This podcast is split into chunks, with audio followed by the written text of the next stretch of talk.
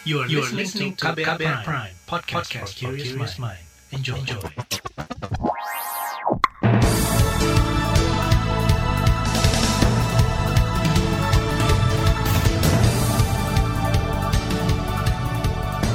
Selamat pagi saudara, inilah Buletin Pagi hari ini edisi 25 Juni 2021.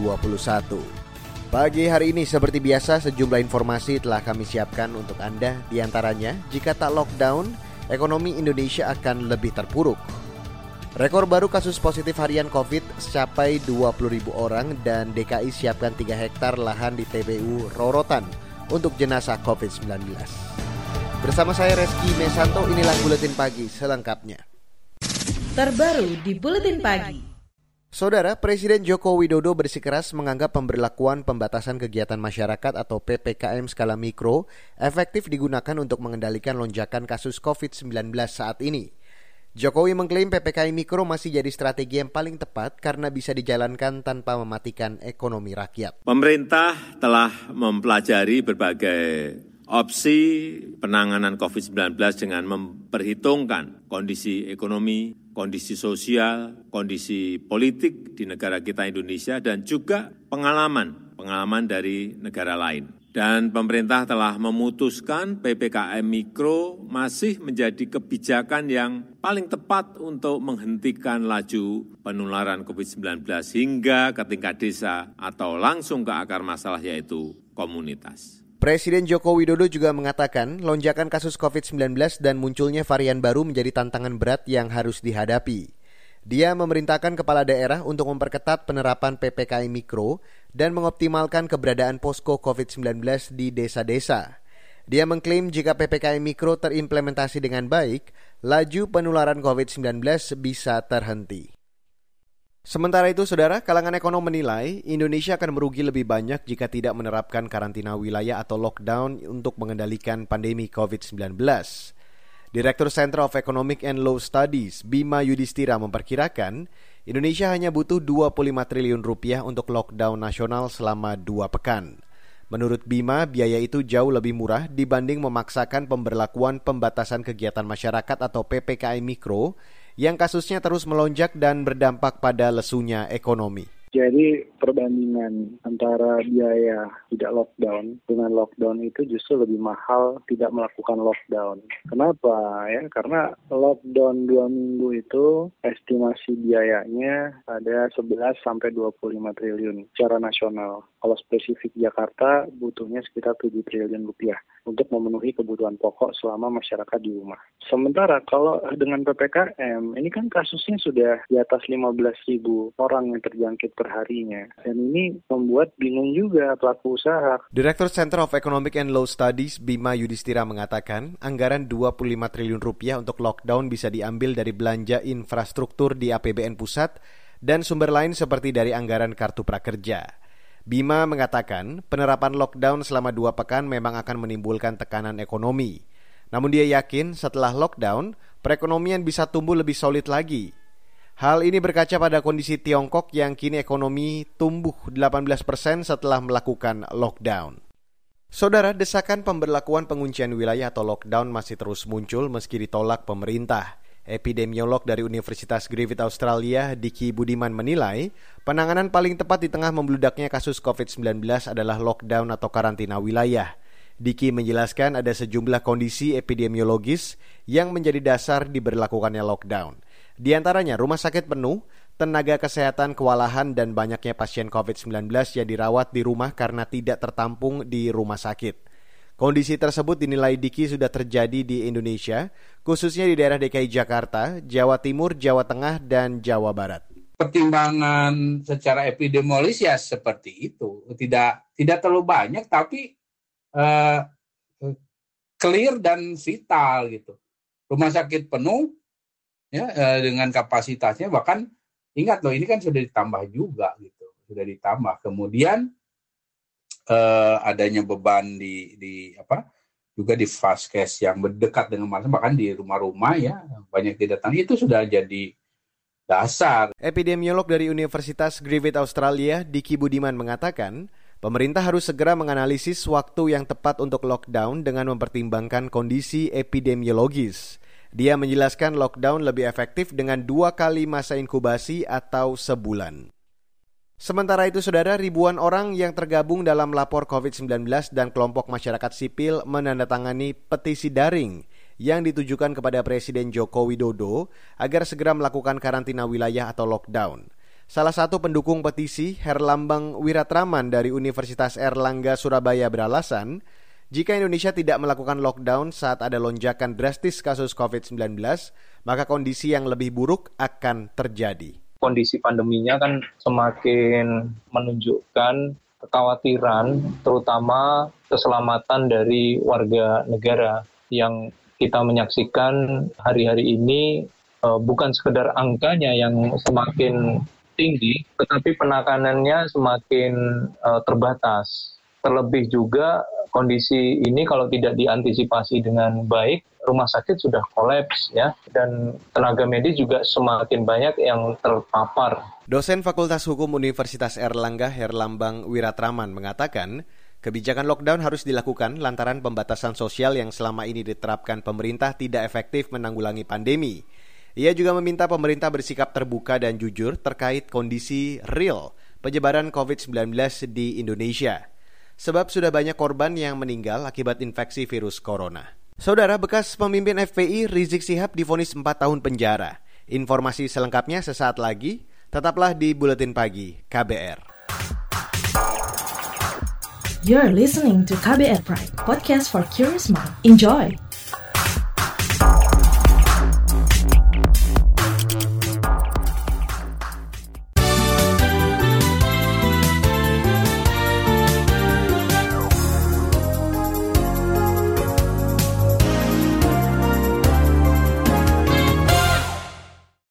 Saudara Kementerian Kesehatan kembali mencatat rekor kasus baru virus COVID-19 dalam satu hari. Pada Kamis kemarin, penambahan kasus positif mencapai 20 ribu kasus dalam sehari. Ini merupakan rekor penambahan terbanyak sejak kasus COVID-19 pertama kali diumumkan pemerintah pada Maret tahun lalu. Jumlah kasus baru tersebut membuat akumulasi kasus positif menjadi 2 juta 50 ribu orang, dengan kasus positif aktif yang masih dirawat sebanyak 170 ribu orang. Penambahan juga terjadi pada jumlah pasien COVID-19 yang meninggal dunia. Dalam sehari kemarin ada 350 pasien meninggal dalam sehari, sehingga total jumlah pasien meninggal menjadi 55 ribu jiwa. Sementara itu, Saudara Kapolri Listio Sigit Prabowo menargetkan bisa membantu realisasi vaksinasi sebanyak 1 juta orang per hari di akhir Juni mendatang. Sigit mengatakan, Polri bersama TNI telah membuat sentra-sentra vaksinasi di lebih dari 2.000 titik di seluruh Indonesia. Salah satunya di lapangan Bayangkara yang diklaim mampu mencapai target hingga 5.000 orang. Harapan kita sesuai dengan uh, arahan Bapak Presiden di akhir Juni kita akan masuk di angka 1 juta. Nanti tanggal 26 akan kita laksanakan dalam kegiatan serentak yang harapan kita di tanggal tersebut bisa tembus Sementara itu, Saudara Menteri Kesehatan Budi Gunadi Sadikin mengatakan, upaya menggenjot vaksinasi akan terus dilakukan di daerah lain untuk mengejar target 1 juta orang per hari. Saat ini, cakupan vaksinasi di Indonesia masih bergerak bervariasi. Pada pekan ini, vaksinasi COVID-19 naik dari sekitar 300 ribu orang menjadi 600 ribu orang per hari. Saudara, Pengadilan Negeri Jakarta Timur menjatuhkan hukuman 4 tahun penjara kepada bekas pemimpin FPI Rizik Sihab dalam kasus tes usap palsu. Rizik dinyatakan bersalah menyampaikan kabar bohong atas kondisi kesehatannya selama dirawat di Rumah Sakit Umi Bogor, Jawa Barat pada November tahun lalu.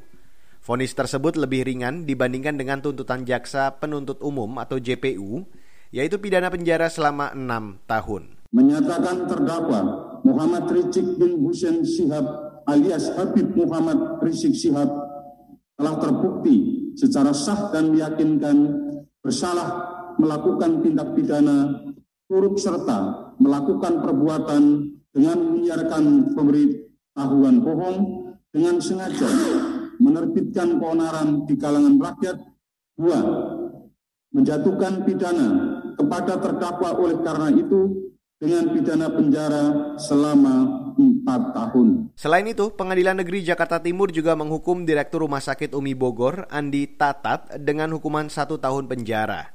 Majelis Hakim menyebut Andi terbukti berbohong mengenai hasil tes usap terhadap bekas pimpinan FPI Rizik Sihab. Andi menyebut Rizik Sihab sehat, padahal hasil tes menunjukkan Rizik reaktif COVID-19. Beralih ke informasi ekonomi, saudara, realisasi investasi di Indonesia pada kuartal pertama tahun ini mencapai lebih dari 200 triliun rupiah. Menteri Investasi sekaligus Kepala Badan Koordinasi Penanaman Modal atau BKPM Bahlil Lahadalia mengklaim Kebijakan investasi di Indonesia berhasil membangun kepercayaan dunia usaha internasional untuk menanamkan modalnya di Indonesia. Di kuartal pertama di 2021 kita sudah berhasil mampu menyelesaikan investasi kita kurang lebih sekitar 219 triliun dan lagi-lagi dari 219 triliun tersebut itu di luar Pulau Jawa lebih besar ketimbang Jawa 52 persen. PMA PMDN-nya kita mulai berimbang bahkan ada beberapa negara seperti Swiss yang selama ini nggak pernah masuk lima besar di kuartal pertama itu sudah masuk lima besar. Menteri Investasi sekaligus Kepala Badan Koordinasi Penanaman Modal atau BKPM Bahlil Lahadalia mengatakan, salah satu investasi terbesar adalah proyek pembangunan pabrik baterai untuk kendaraan listrik. Proyek investasi antara konsorsium Korea Selatan LG dengan PT Industri Baterai Indonesia itu bernilai 142 triliun rupiah.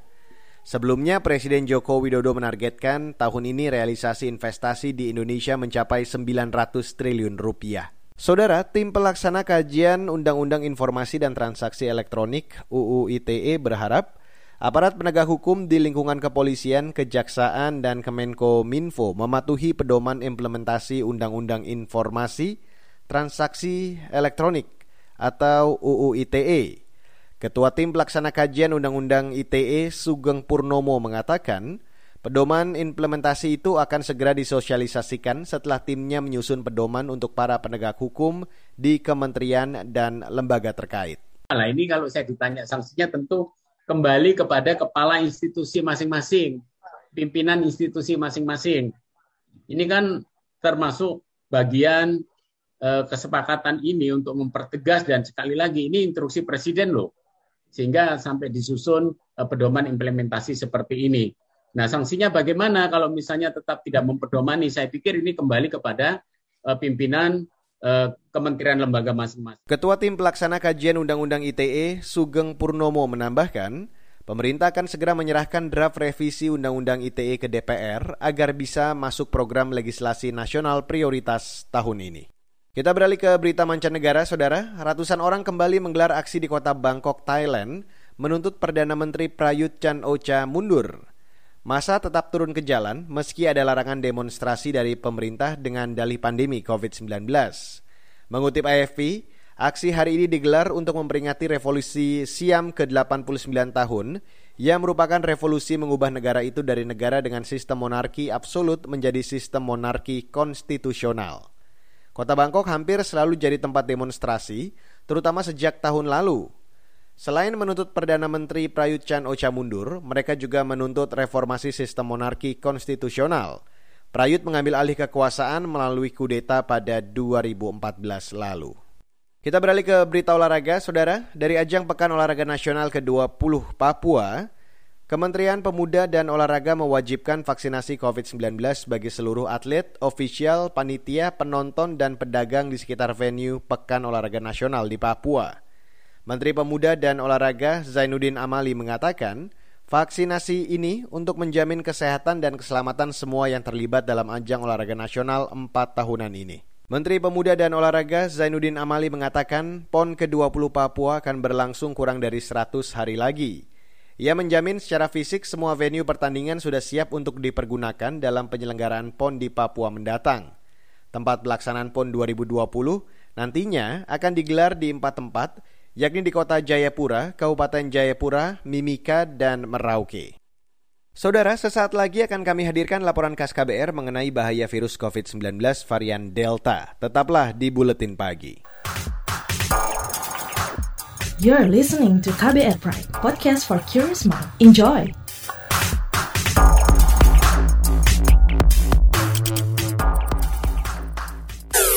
Commercial break.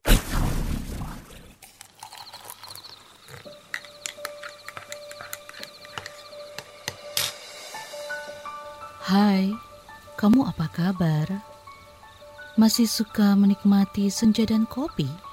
Aku masih ingat kebiasaan kita. Sehabis pulang kerja, selalu mencari tempat untuk sekedar ngobrol dan ngopi. Tapi kadang kita kehabisan bahan obrolan. Aku masih melakukan hal yang sama sampai sekarang tanpa harus takut habis bahan buat ngobrol. Karena aku selalu mendengarkan KBR sore dari Senin sampai Jumat jam 4 sore. Ah, aku rindu. KBR Inspiratif Terpercaya.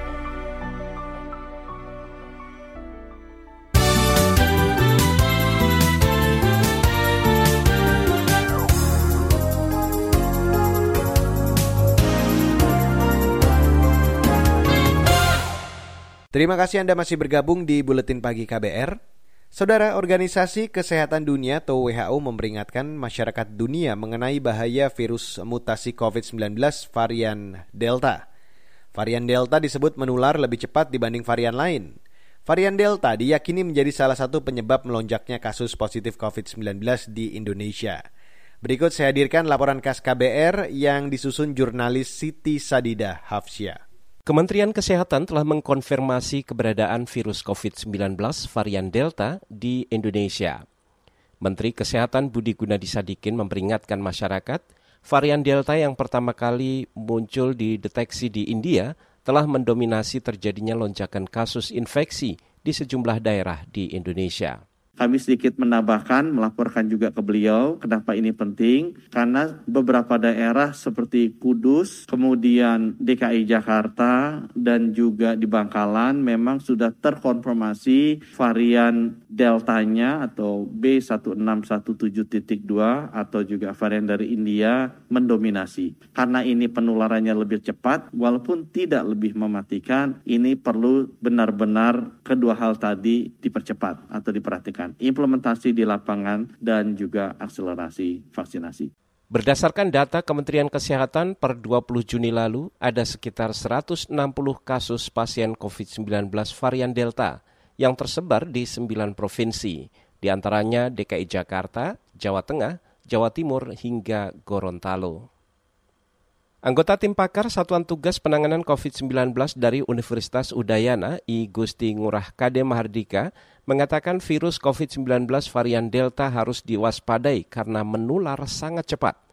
Ia menyebut lonjakan kasus di India terjadi setelah munculnya mutasi virus ini. Bagi saya menjadi concern besar ada dua, yaitu alfa dan delta. Proporsi alfa itu memang masih dominan di dunia, yaitu sekitar 60-65 persen virus dunia yang ditemukan satu minggu terakhir itu adalah varian alpha. Sedangkan delta ini yang menarik, jadi yang tadinya hanya 2-3 persen sampai 5 persen virus dunia, satu dua, eh, dua minggu terakhir itu sudah melonjak 20 persen atau lebih virus dunia itu sudah digolongkan sebagai varian delta. Dokter spesialis paru dari Universitas Indonesia Erlang Samudro juga menguatkan mengenai kemampuan varian Delta yang sangat infeksius atau menular cepat dari satu orang ke orang lain. Penularannya berbahaya bagi orang dewasa maupun anak-anak.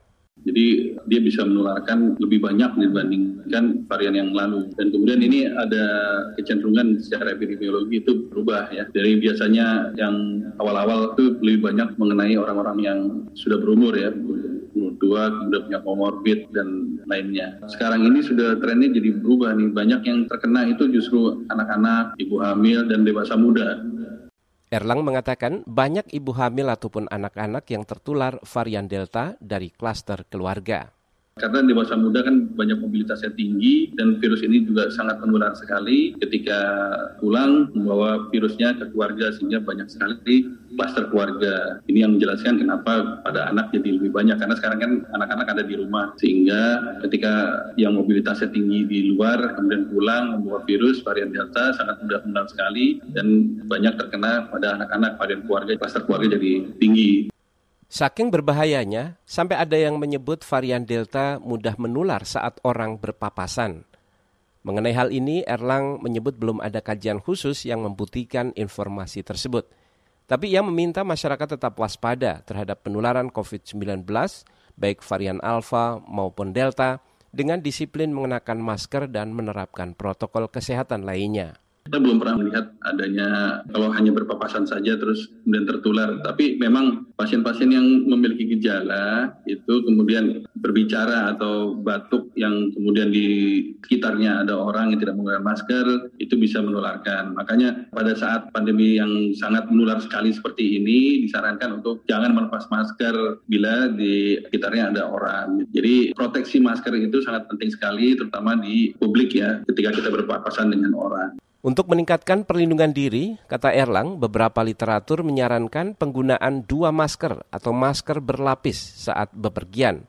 Upaya ini dapat dilakukan masyarakat untuk semakin menekan risiko penularan. Laporan ini disusun Siti Sadida. Saya Agus Lukman. Saudara, informasi dari berbagai daerah sesaat lagi akan saya hadirkan. Tetaplah di Buletin Pagi KBR. You're listening to KBR Pride, podcast for curious mind. Enjoy!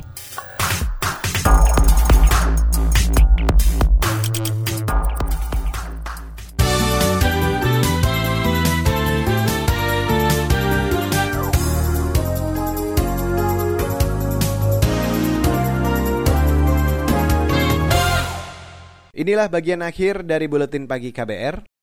Saudara, Dinas Pertamanan dan Hutan Kota Provinsi DKI Jakarta menyiapkan 3 hektar lahan tambahan untuk tempat pemakaman umum atau TPU khusus jenazah pasien COVID-19. Lahan tambahan ini berlokasi di TPU Rorotan Jakarta Utara. Kepala Suku Dinas Pertamanan dan Hutan Kota Administrasi Jakarta Utara, Eli Suges Tiang Ningsih, mengatakan, selain menambah luas lahan pemakaman, Pemerintah daerah juga menambah petugas pembantu proses pemakaman dari 18 orang menjadi 30 orang.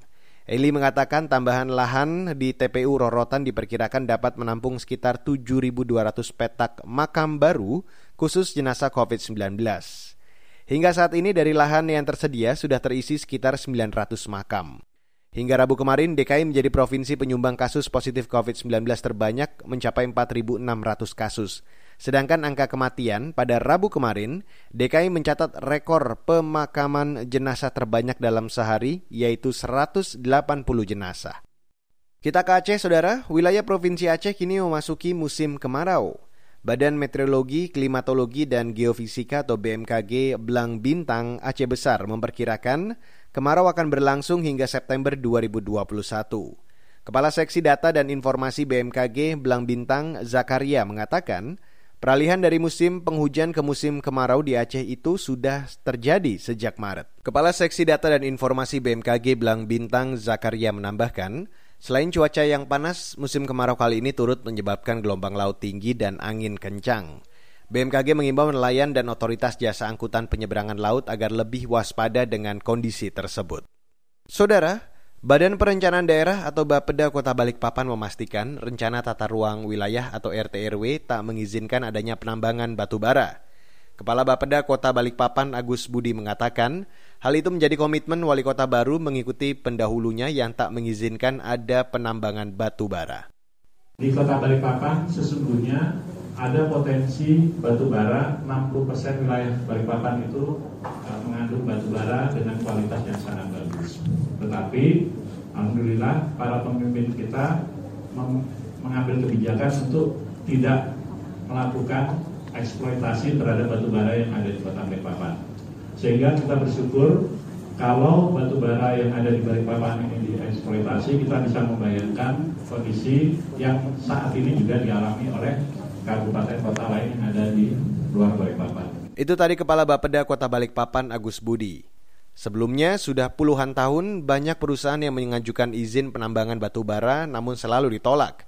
Kota Balikpapan merupakan satu-satunya daerah di Kalimantan Timur bahkan Kalimantan yang sejak puluhan tahun tak mengizinkan ada penambangan batu bara. Dan saudara informasi tadi sekaligus menutup buletin pagi untuk hari ini. Jangan lupa untuk selalu memantau informasi terbaru melalui kabar baru setiap jamnya. Anda juga bisa mengunjungi website kami di kbr.id, Twitter kami di account at berita KBR, dan untuk Anda yang tertinggal siaran buletin pagi hari ini, Anda kembali bisa mendengarkannya di podcast Buletin Pagi, ada di Spotify, KBR Prime, dan platform mendengarkan podcast lainnya. Terima kasih untuk Anda yang sudah bergabung pada pagi hari ini, dan jangan lupa untuk selalu mematuhi protokol kesehatan di mana pun Anda berada. Jangan keluar rumah, jangan pergi dari rumah, seandainya tidak ada kebutuhan yang benar-benar mendesak. Saya Reski Mesanto, mewakili tim redaksi yang bertugas pada pagi hari ini. Kami undur diri, salam.